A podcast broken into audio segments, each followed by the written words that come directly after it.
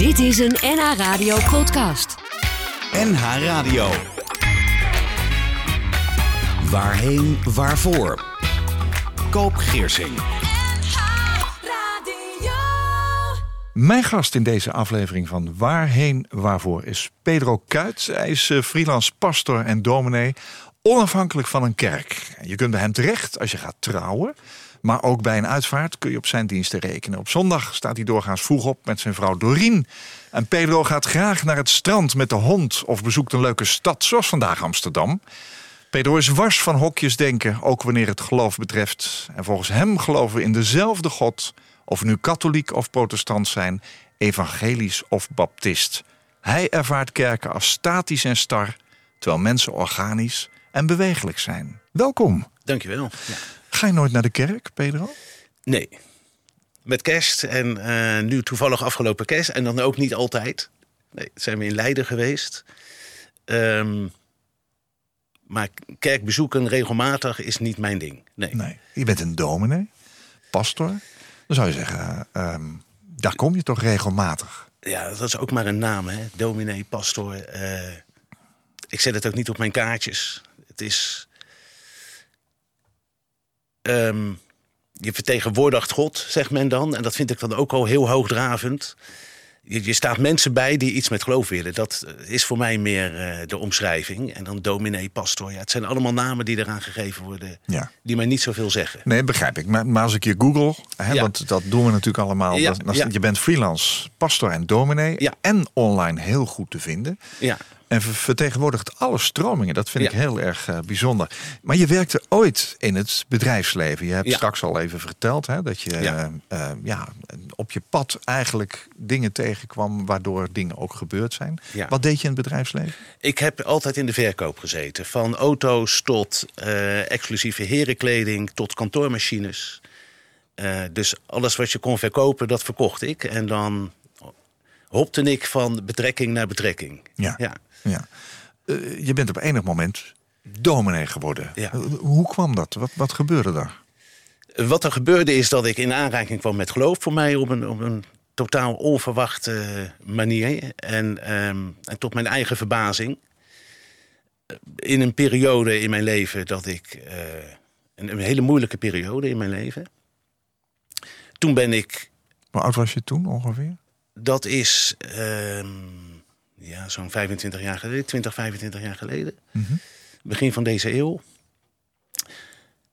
Ja, en toen ben ik geïnteresseerd geraakt in het geloof. Ik kwam tot mijn eigen verbazing in aanraking met, met, met, met het geloof. Wat ik op dat moment als, eh, als, als God ervoer, zeg maar. En daar, toen ben ik op onderzoek uitgegaan. En gewoon eens een kerk binnengelopen. Ja, maar hoe, gaat dat dan in iemands leven? Want daar ben ik dan echt benieuwd naar. Je, je verkoopt herenkleding of je, Ja. je, je, Ja. verkoopt auto's. En dan? Ja, nou, ik was ziek. Ik heb eh, heel veel last gehad van depressies. Dus eh, op dat moment werkte ik niet. Ik liep in de ziektewet. En Het leven was niet rooskleurig toen. het leven was niet rooskleurig. Nee. Nee. Nee, ik had heel veel last van depressies en zag het leven bij tijd en wijle op zijn zacht gezegd niet meer zitten. Nee. Ja, en het is een verhaal wat mijzelf nog steeds verbaast. Maar ik loop buiten op straat de hond uit te laten. En ehm, ik raak ervan overtuigd dat er meer moet zijn dan dit. Dat er een God moet zijn. Zomaar. Zomaar, ja. Ja, en ik heb nooit iets met geloof gehad. Ik ben niet opgevoed met geloof. Het was er gewoon niet bij ons thuis. Was je atheïst? Nee, ook niet. Ik hield me, het hield mij gewoon niet bezig. Nee. Nee. Nee, als, als kind zag ik mensen de kerk binnengaan en toen dacht ik dat is een gebouw voor oude mensen en die geloven in God. En meer dacht ik er niet bij eigenlijk. Nee. En dus het is voor mij echt van het ene op het andere moment eh, is dat gebeurd. Ja. Ja. Ja. Ja.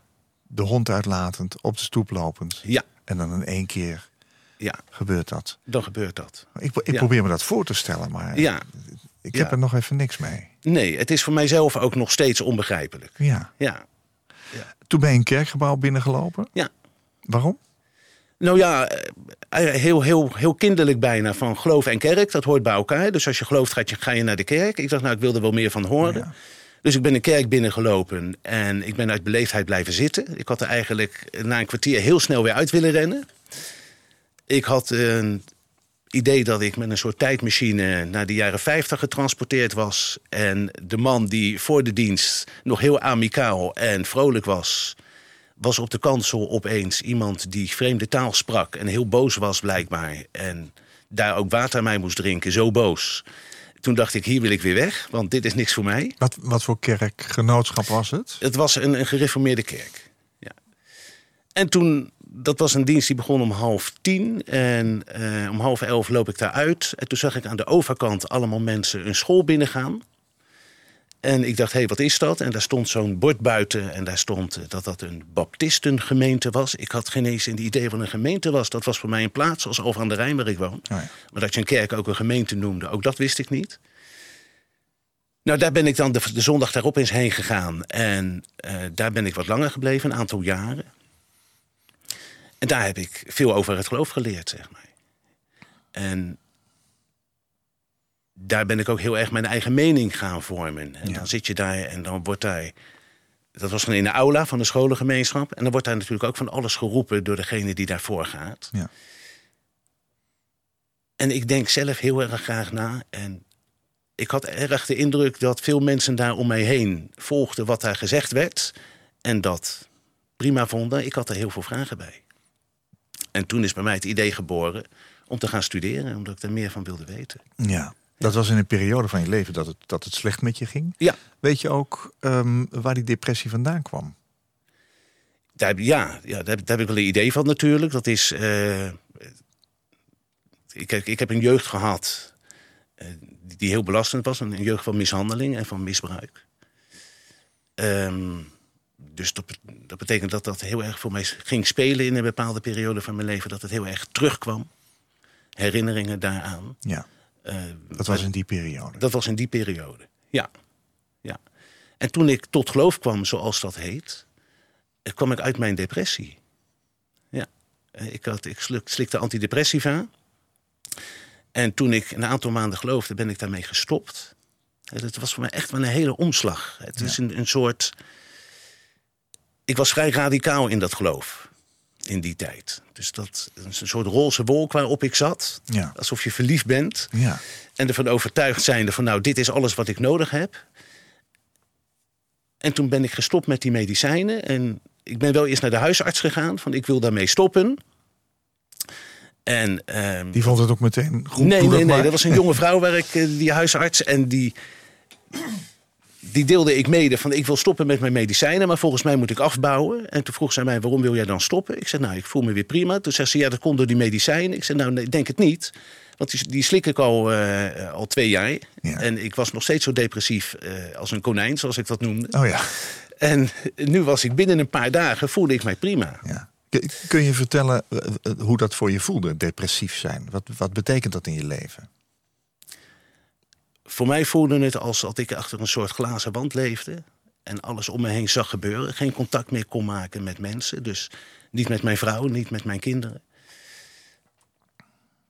Alles om me heen zag en er heel erg van vervreemd was. En of er een soort ja, deken over je heen ligt. Ja, een, een, soort, een soort duisternis waarin je leeft waar je niet uit kan komen. Waar je uit wil, wil probeer- probeert te komen, maar dat, dat lukt niet. Nee. En een enorme zinloosheid. Ja, van, ja, wat doe ik hier eigenlijk? Als dit het dan is, dan hoeft het voor mij niet meer. En dat ging bij mij wel heel ver. Ja. Hoe ver? Nou, tot het maken van plannen hoe ik een einde aan mijn leven kon maken. Dus daar ook methodes voor zoeken en bedenken. En zover ging dat wel. Je wilde er echt uitstappen. Ik wilde er echt uit. Ja. Ja. Ja. ja. Ik heb jou gevraagd om drie liedjes uit te zoeken die ehm, misschien wel op jouw uitvaart gehoord moeten worden. Waarvan ik hoop, want ik, ik zie ook nu een heel blij mens. Hè? Je, Ja. je- ik zie ook wel dat je heel wat doet om hierover te praten. ja. Maar tegelijkertijd eh, straal je ook, eh, zeker als je praat over wat je nu doet en, en dat je dat geloof gevonden hebt. Drie liedjes die hopelijk nog lang niet aan de orde zijn. Maar het eerste lied heeft me wel heel erg geïntrigeerd. Ja. Dat heet Oude Pijn. ja. Waarom heb je daarvoor gekozen? Dat heeft een relatie. Dat heeft een relatie. is een lied wat ik een keer in de auto hoorde op de radio eh, van George van der Pannen. Ik, ik, ik, ik kende deze man helemaal niet. En ik vond het een heel mooi lied. Het raakte mij. Eh, omdat het erover gaat dat eh, ja, pijn die je ooit is aangedaan of overkomen is, dat je die nooit helemaal kwijtraakt. Ook als je denkt dat dat zo is, dat het toch op onverwachte momenten toch weer terugkomt.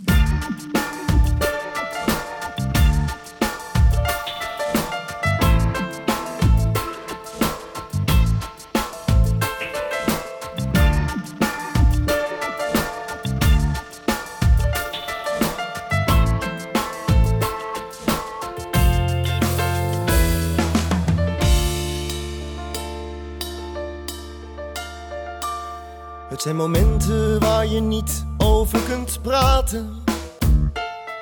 Want je hebt het zo lang achter je gelaten.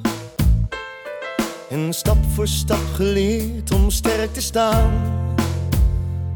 Dat was nu eenmaal de manier om door te gaan. Maar diep van binnen blijft er toch iets aan je vreten. Je denkt ik zou toch beter moeten weten. Wat je ook probeert, toch blijft het daar. En wacht er oud verdriet en nieuw gevaar. En er is niks aan de hand. En je denkt het gaat voorbij. En je bouwt op je verstand. En je voelt je sterk en vrij. En je weet het komt weer terug. En zo zal het altijd zijn. Nee, het laat je niet meer los, oude pijn. Het zijn de mensen om je heen die om je geven. En ze gunnen jou het mooiste in je leven. Toch blijf je op je hoede, je weet nooit. Straks word je toch nog overboord gegooid. Het zijn de tranen die van binnen stromen. Als de liefde na een tijd is teruggekomen. Je pakt het aan, maar houdt het in de gaten. Want voor je het weet, dan ben je weer verlaten. En er is niks aan de hand. En je denkt het gaat voorbij. En je bouwt op je verstand. En je voelt je sterk en vrij. En je weet het komt weer terug. En zo zal het altijd zijn. Nee, het laat je niet meer los, oude pijn. De beloftes die je plotseling wil verbreken. En de momenten dat je niemand meer wil spreken.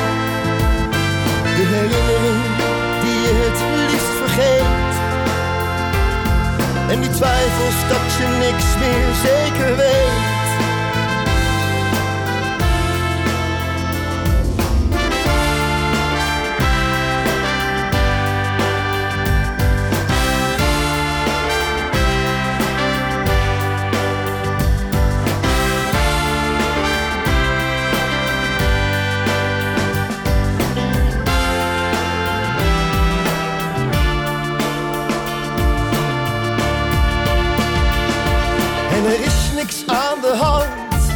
Je denkt het gaat voorbij. En je bouwt op je verstand. En je voelt je sterk en vrij. En je weet het komt weer terug. En zo zal het altijd zijn. Nee, het laat je niet meer los, oude pijn. Nee, het laat je niet meer los, oude pijn. Nee, het laat je nooit meer los, oude pijn.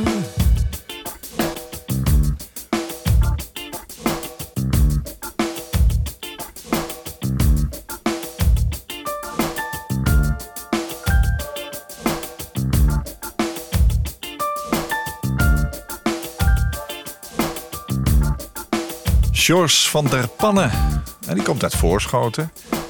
Hij groeide op in een wereld vol muziek. Thuis werden platen gedraaid van Ramse Shaffi en Lisbeth List. Maar ook van Phil Collins, Joan Baez, Janis Ian, ABBA. Daar komen we straks nog eventjes op. Ja. En heel veel Franstalige muziek. En dit komt van zijn album Eén Nacht uit 2011. Oude pijn.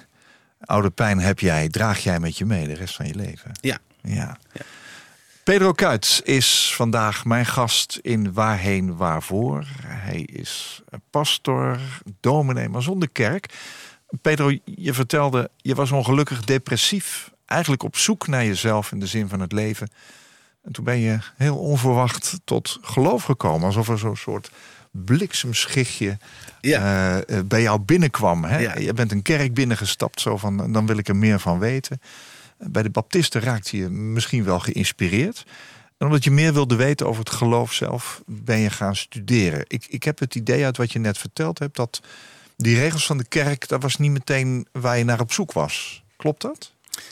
Dat klopt. Ja, ik, ik was op zoek naar eh, eh, wie is God en wat voor boodschap zit daarachter en wat voor boodschap eh, ja, heeft God voor mensen.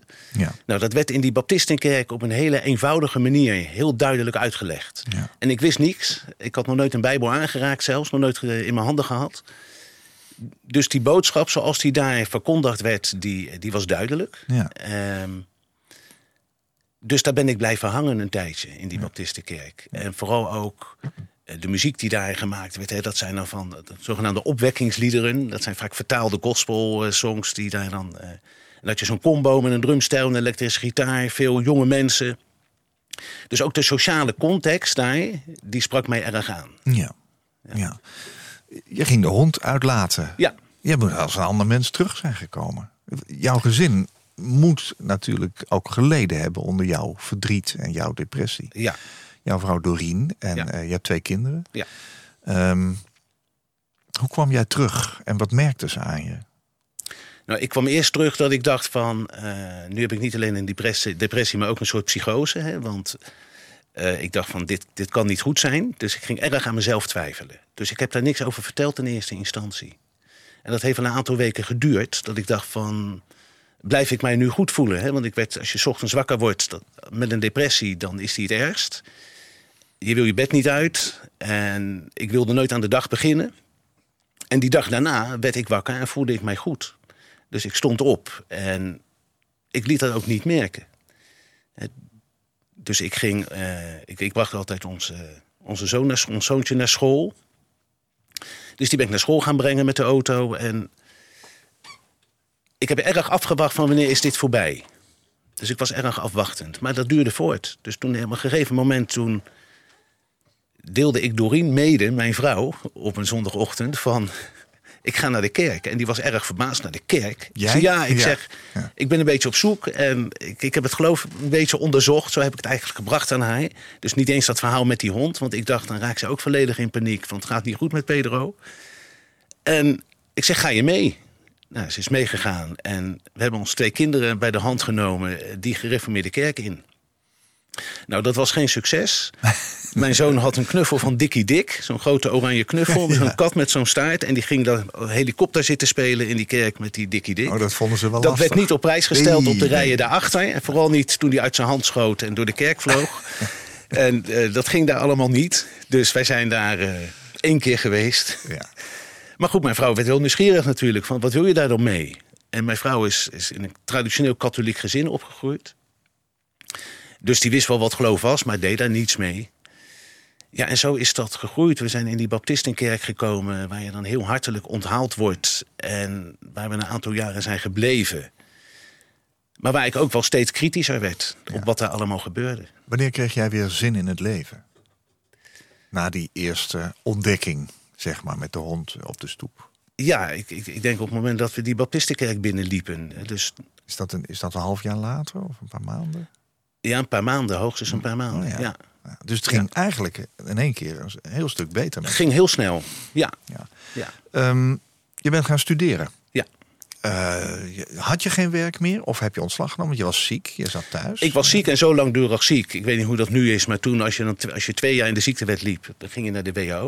Oh ja. En dan was je ook niet meer in dienst. En dus ja, ik had een eh, volledige WHO-uitkering. ja. Je ging studeren. Eh, Ja. Wat heb je gedaan? Eh, Rondgebeld en ergens maar begonnen? Ja, Dat eigenlijk kon wel. ook zomaar. Ja, ja, eigenlijk wel. Dus ehm, ik ben gaan onderzoeken wat zijn er voor opleidingen. En eh, die baptisten hadden ook een eigen, een eigen opleiding. Ja. Die ging uit van de Unie van Baptistengemeenten in Nederland. ja. En daar ben ik op een zeker moment terechtgekomen. En dat was een zogenaamde tweede wegopleiding op zaterdag. Ja. En dat heb ik als ongelooflijk heilzaam ervaren. En ik denk een van de mooiste jaren eh, uit mijn leven, nog steeds. Ik Ja. zou dat zo weer overdoen. Tijdens je studie ontstond het idee om er te zijn voor mensen die geen kerk bezoeken. Eigenlijk was je enthousiast dus over die baptistengemeente. Daar, daar voelde je je ook eh, thuis en warm. Ja, Wat maakte dan toch dat je dacht van ja, maar ehm, voor mij hoeft die kerk zeg maar als gemeente niet zo. Omdat ik zeg maar na die, na die eerste liefde, hè, zoals je dat noemt... En, en die roes, waar ik toch op een gegeven moment wel uitkwam... De verliefdheid ging over.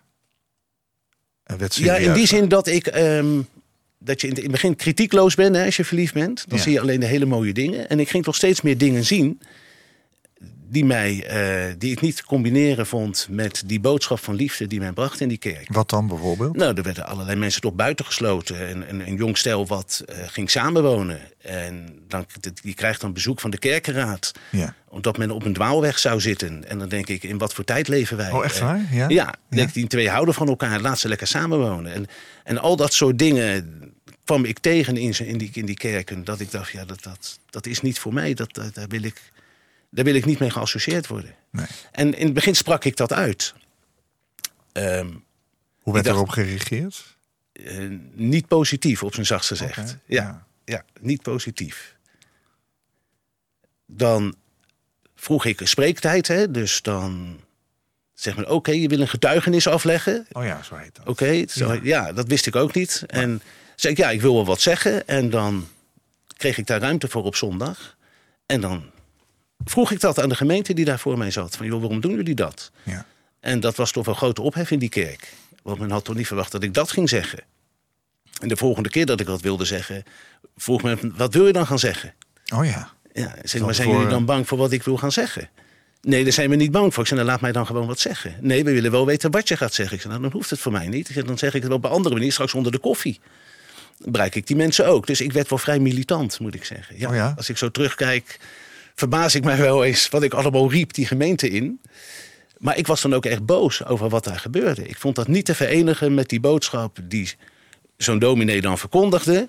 Ja. En dan vervolgens dat wel zei, maar daar niet naar handelde. Hoe reageerde jouw vrouw op al deze ontwikkelingen? Doreen. Nou, die was natuurlijk heel blij dat ik mij weer goed voelde. En die had, en die had haar man weer terug.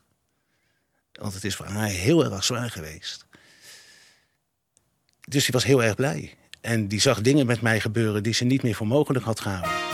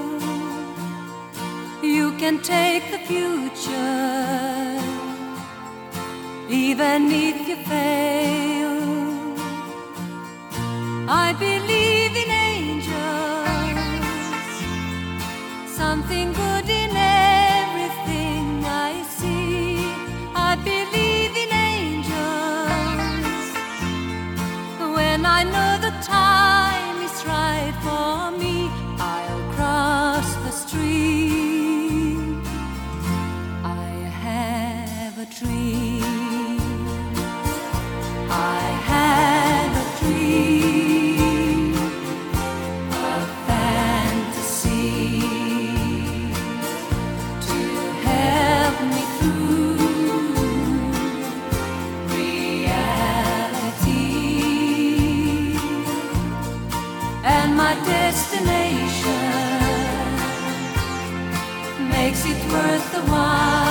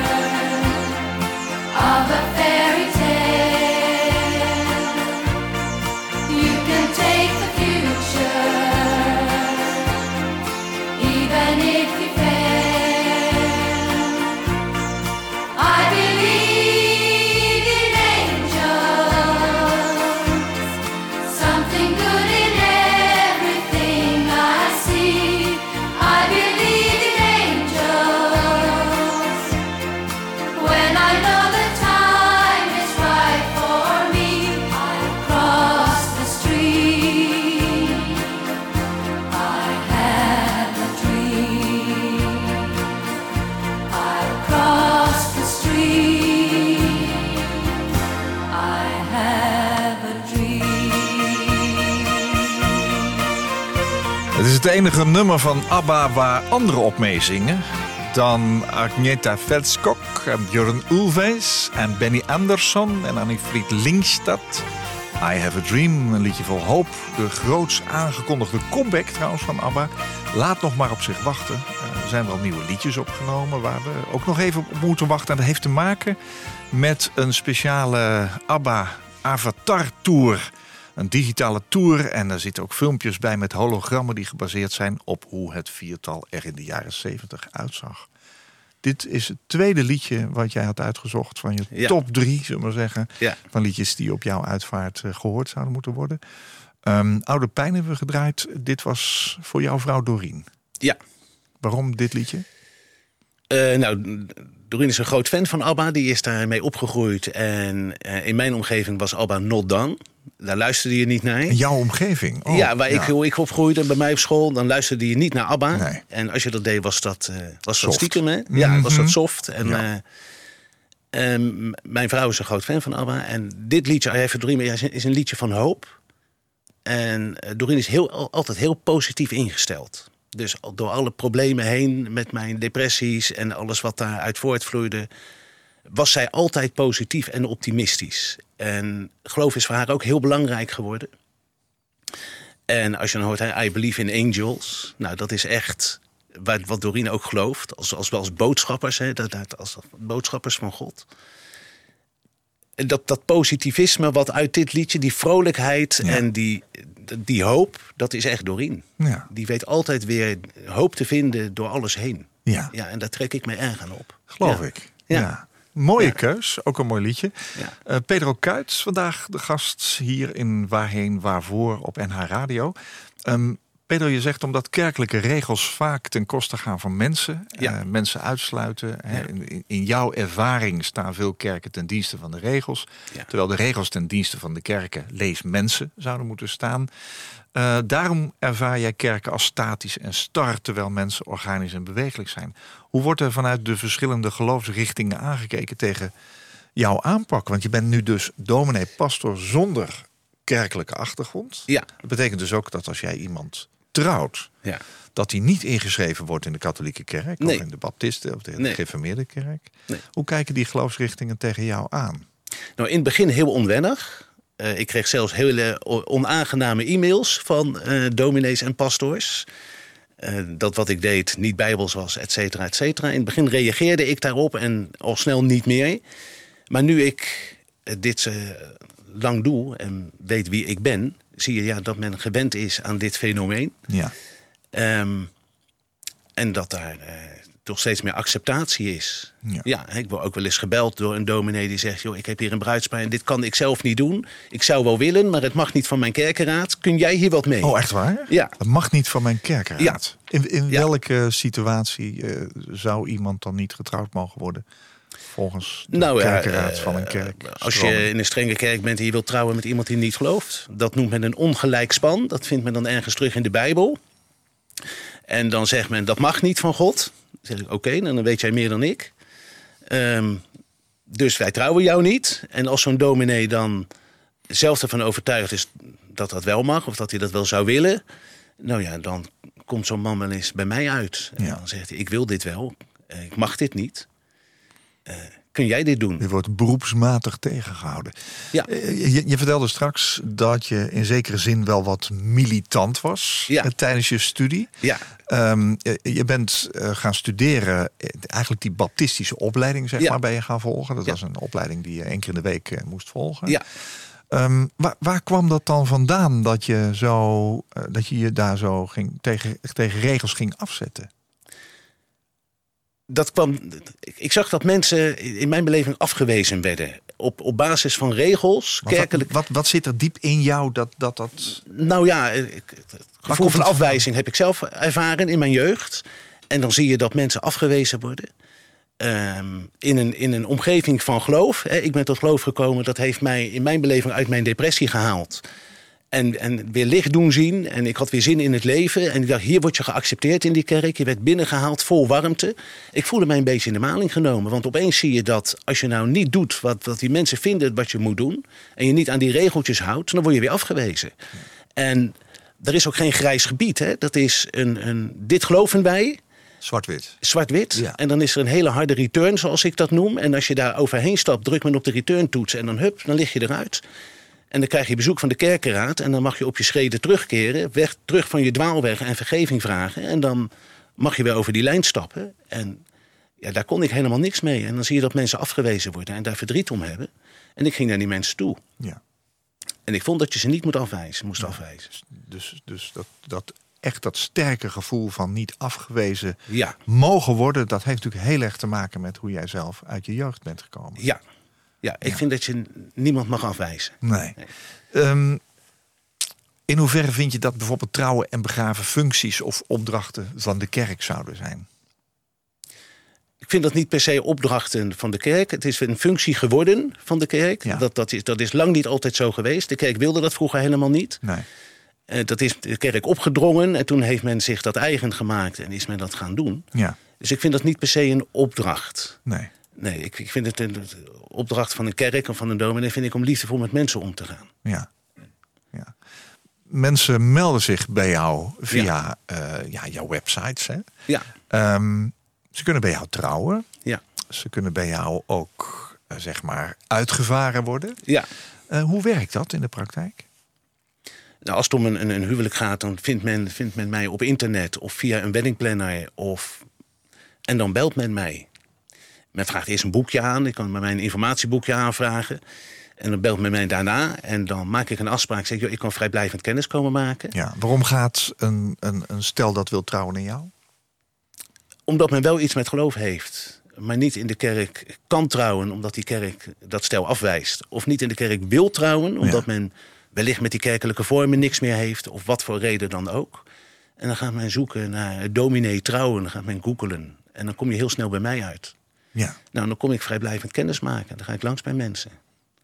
En als daar dan een klik is, dan gaan we samen verder. Ja. ja. Met trouwen is dat een, een, een redelijk lang eh, traject. Hè? Dat is Ja. vaak natuurlijk wel meer dan een half jaar, denk ik soms. Ja, ik zie mensen zo'n vier of vijf keer. En mensen gaan zich steeds vroeger aanmelden. Dat is een zichzelf versterkend effect. En omdat locaties bezet raken, eh, al een jaar van tevoren of nog langer. Dus dan gaat men dat huwelijk al regelen. En dan komt men ook bij mij. Ja. Ja. ja. En jij vraagt niet hoe de samenstelling is van een echtpaar eh, of een komend echtpaar. Want jij, jij wil mensen juist helpen vanuit hun eigen gevoel en eigen geloof. ja, ik vraag het wel natuurlijk. Ja. Omdat ik, dat wil ik wel graag weten. Ja. Ehm, maar ik, ik heb eigenlijk nog nooit iemand afgewezen. Nee. Nee, Nee.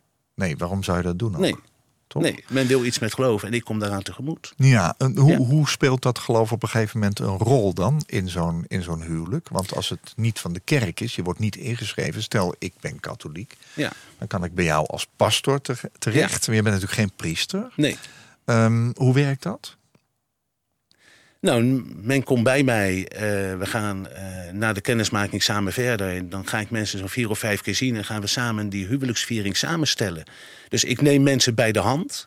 En onder mijn begeleiding eh, bouwt men de eigen huwelijksviering op. En wat voor elementen men daarin terug wil laten komen uit eh, het katholieke geloof. of een andere richting. dat onderzoek ik samen met het bruidspaar. Ja, dus het wordt echt van hun. Het wordt echt van hun. Ja, ja. Dus, en ik leer mensen in die gesprekken natuurlijk ook kennen. Ik geef ze tussen aanhalingstekens opdrachten mee. Ja, Waardoor ik ook zicht krijg op hun relatie. Mensen gaan over hun relatie in gesprek waar ik bij ben. Ja, Daar stimuleer ik hen toe. En die, die opdracht nodig daartoe uit. ja. Waardoor ik allerlei informatie vergaar die ik in die eh, viering kan gebruiken. Hetzelfde geldt natuurlijk voor een uitvaart. Maar dat Ja. kun je niet een half jaar van tevoren plannen doorgaans. Nee, Dat is vaak wat dat is heel voortdurend natuurlijk. Ik word Ja. gebeld door een uitvaartondernemer. Ik ga naar de familie. Ja, en dan zit ik daar een aantal uren. En ja, ik ben, ik ben iemand die heel erg snel een, een sfeer aanvoelt. Aanvoel, eh, wie heb ik tegenover mij? Dus ik, ik kan me heel erg... Ja, er is, er is meer zeg maar dan wat je ziet. Daar ben ik van overtuigd. Mhm. Dus ik krijg altijd heel erg een gevoel bij iemand. Van hoe zit hij of zij erin? Wat maakt hij mee? Wat, wat voelt hij of zij op dit moment? Ja. Ik, ik, ik bevraag mensen dan. Ik, en dan zit ik, daar- ik zit er zelden naast. Dus dat betekent dat ik heel erg een gevoel krijg van wat, wat, wat beleef jij? Wat heb jij nodig? Ja, Dat het voor rouwen en trouwen, dat loopt bij jou door elkaar. Hè? Dus Ja. het is eh, van de grote blijdschap naar de, ja, soms het diepe verdriet. Ja, Ehm, in, hoeverre raakt het werk eh, jou persoonlijk? Ook omdat je natuurlijk een verleden met je meedraagt. Ja. Misschien is dat bij mij wat eerder dan bij anderen. Dus soms raakt het mij. Ehm, ik besef wel dat je mensen niet moet lastigvallen met jouw verleden en met jouw verdriet. Maar het is voor mij ook wel een toevoeging. Dat, het, dat ik dingen herken en dat dingen mij raken. Dat mensen mij raken en wat ze meemaken. Omdat ik mij dan meer kan verplaatsen in die mensen. En er echt voor ze kan zijn. En dat wat ik doe dan ook echt uit mijn hart komt. Ja, begrijp ik. Ik begrijp ook dat je af en toe even helemaal eh, los moet. En dat dan Ja. even de, de knip gaat in het lint van een trouwen en rouwen. Ja. En, dan, en dan ga je naar je televisie en dan doe je eh, niks anders dan achter elkaar Star Trek kijken. Ja, binge-watching. Vertel achter eens, elkaar door. ja. Ja. Ja. Star Trek, ehm, daar dook ik vroeger al in, in mijn jeugd. Toen was het nog op België. Dan had je de centrale antenne. Dan kon je nog vol ruis een beetje België Dat zien. kon jij, want je kwam uit het zuiden dan of zo. Want eh, ik, wij konden geen België ontvangen. Ja, ja, dan had je, dat- noem je dan de centrale antenne. Hè? Dus eerst niet met de antenne op je dak. eh, ging dat niet. Maar toen kreeg je de centrale antenne. En er zat ook België bij. Ja, op, ja, dat zat onder voorkeurstoet 3 van de televisie. Ja, en daar had je, had je België. Wel met heel veel storing. En daar, daar, daar kwam ik Star Trek tegen. En later kreeg je kabel-tv. Dan kon je België goed ontvangen. En daar was dan eh, in de eerste instantie die, de Next Generation. Die Mhm. ik dan ging volgen. Ook heel vroeg wel met Captain Kirk en zo. Eh, maar de Next Generation, dat ging mij echt boeien. En ja, daar ben ik eigenlijk blijven hangen. En dat doe ik dus nog steeds. Next Generation, Voyager, Deep Space Nine. Dat is een, een, een, een serie waar ook een hele mooie boodschap achter zit. Een ideale wereld, zonder geld, zonder kapitalisme. Eh, Oh, dat vind je ook interessant natuurlijk. dat vind ik heel interessant. Ja, dat snap ik. Ja, Ja. ja, Dit gaan we op jouw uitvaart horen. ja. Space, the final frontier. These are the voyages of the Starship Enterprise. Its continuing mission to explore strange new worlds, to seek out new life and new civilizations, to boldly go where no one has gone before.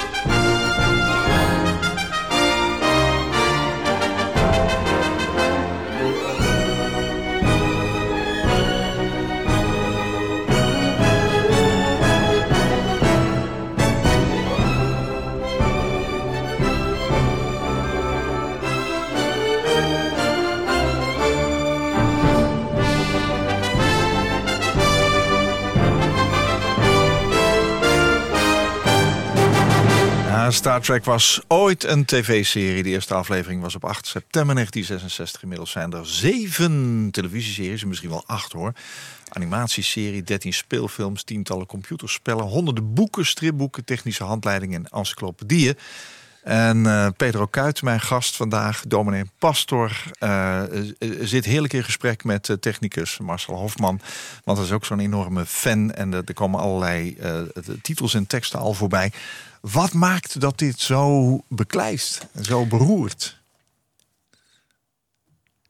Dat is, dit is, Star Trek is een gevoel. is niet zomaar een science fiction serie. Star Trek is een gevoel. Het Star Trek gevoel, de Star Trek sfeer.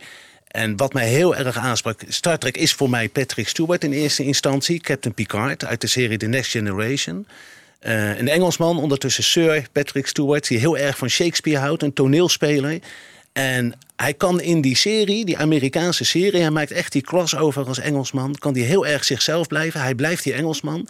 Citeert naar hartelust Shakespeare in die serie... Eh, de boodschap in die serie van de ideale wereld zonder geld, zonder kapitalisme. Ik, ik vind mensen gaan, mensen gaan ten onder aan geld. Eh, het is eerst geld en dan de mens. Continu, of je de krant nou ziet of, of op internet. En dit is dan die wereld zonder geld. En dat is dan de Federation of Planets. Allemaal verschillende species die men ontdekt in de ruimte. En die kunnen zich dan aansluiten bij die federatie, maar kunnen wel zichzelf blijven. Er worden geen regels aan die mensen opgelegd. Je mag bij de federatie horen. Maar dan moet je wel eh, onze normen en waarden allemaal hebben. En het doen volgens onze regeltjes. Nee, je mag gewoon Ferengi blijven. Of die Klingons die een heel agressief volk lijken. eh, maar dat eigenlijk helemaal niet zijn ten diepste. Die mogen zich ook aansluiten. Die mensen mogen allemaal zichzelf blijven en daar toch bij horen. Daar zit toch een hele parallel bij hoe jij ook jouw werk als dominee en pastor doet. Ja. Ja, de acceptatie die in die serie zit. Je accepteert iedereen. Je bent wel eerlijk naar de mensen toe en liefdevol naar de mensen toe. En, maar uiteindelijk mag jij zijn wie je bent. En dat zie je ook op dat schip, waar dan mensen ook hun gezinnen mee mogen nemen. Eh, iedereen wordt geaccepteerd. Ja, Ja, dat is jouw ding. dat is mijn ding. Ja. ja en dan Ja. het onverwachte. Hè? Dus een gevleugelde uitspraak van Captain Picard is... expect the unexpected. Oké. Verwacht het onverwachte. Marcel knikt, ja, dat herkent Ja. hij. Ja, ja. Ja. zeker. Ja. Ja. ik, ben, ik ben buitenstaander, moet ik heel eerlijk toegeven. Ik heb om deze uitzending voor te bereiden gedacht van... nou, ik ga die allereerste pilotaflevering maar zien. Ja. Maar dat is eh, veel karton en veel toneel. Ja, dat en is veel, niet kijkbaar eh, meer. En eh, dat is niet kijkbaar meer. Maar En de Next. Generation ehm, vind ik heel knap hoe men Ja. met die techniek van toen die effecten bereikte. Want dat schip is een modelscheepje, hè, wat men filmt. Snap het. Nu heb je natuurlijk allemaal computeranimaties. Eh, maar ik vind het een fantastische serie. Ik kan mij daar echt in verliezen. Jij kan ook helemaal eh, daarin eh, los. En Ja. dan gaat, kijk je ook achter elkaar inderdaad? Ja, ja, Ja. het kan echt zijn dat ik even een dagje niks. Maar ja, dan even en dan gewoon achter elkaar kijken. Ben ik wel Ja. jaloers op, als ik eerlijk ben. Je verzorgt als dominee uitvaarten, zei ik al. Hè? Jou- jouw ouders zijn allebei overleden. Ja. En wanneer was dat? Mijn vader verleden jaar, mijn moeder het jaar daarvoor. Hoe heb je hun afscheid zelf ervaren? Ehm, ik had met mijn vader al heel lang geen contact meer. Dus ik, eh, op een gegeven moment hoorde ik dat hij eh, dementerend was en in de instelling was opgenomen. Ik heb toen nog overwogen om hem te bezoeken, heb het toch niet gedaan. Eh, hoorde dat hij overleden was. En ik dacht altijd, nou dat is een hele grote opluchting als hij straks overleden is. Maar dat was het eigenlijk niet. Was het niet? Nee, nee. Nou ja, toen hij dement was, was het al van... Ik, ik, ik heb altijd naar erkenning gezocht. Ik heb geprobeerd een gezin bij elkaar te brengen op een gegeven moment. Om, ze zijn gescheiden, mijn ouders, om er toch weer over dat verleden te praten. Ik zocht een stuk erkenning en dat kreeg ik niet. En ehm het jaar daarna is mijn moeder overleden. Ik ben wel aan haar sterfbed geweest nog. Ja, eh, dus ik heb daar alleen eh, afscheid van haar genomen in een ziekenhuiskamer. Je, je had wel met je moeder contact. Op en af. Ja. Op en af, ja. Ja. Dus, ja, en toen ze eenmaal overleden waren, ja, dan, dan kan je die erkenning niet meer krijgen. Hè? Dus eerst denk ik, het is een opluchting, want dan, Is dat lastig? ja, dat is lastig. Ja, ja, dat is heel lastig. En hoe, hoe verweef je dat in je leven? Nou, ik neem, door met mijn kinderen anders om te gaan dan mijn ouders met mij omgingen. Ja, ik heb dat echt willen keren. Ja. Is het gelukt?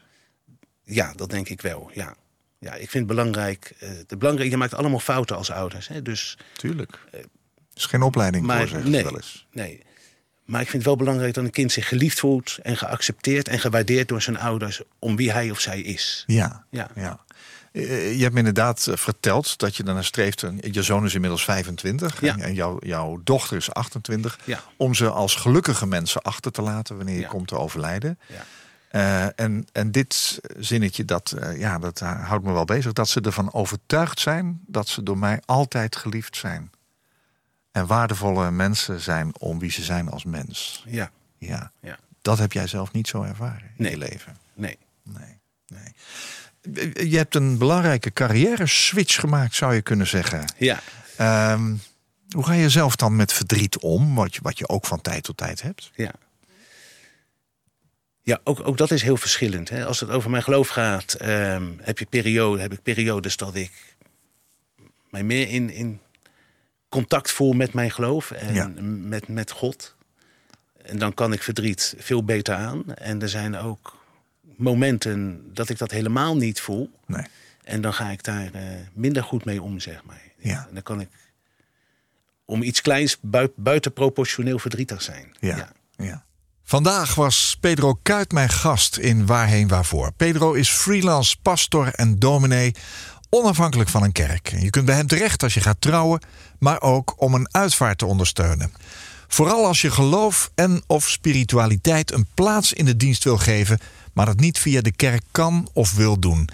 Fijn dat je dit wilde vertellen, Pedro. Dank dat je hier wilde zijn. Ja, ik vond, eh, ik vond het mooi om hier te zijn. Dank voor de uitnodiging. Koop Geersing. Als jij een keer te gast wilt zijn in Waarheen Waarvoor om te vertellen over jouw levensreis, laat me dat dan weten via waarheenwaarvoor.nhradio.nl. Waarheenwaarvoor.nhradio.nl. Dit was een NH Radio podcast. Voor meer, ga naar nhradio.nl. Radio.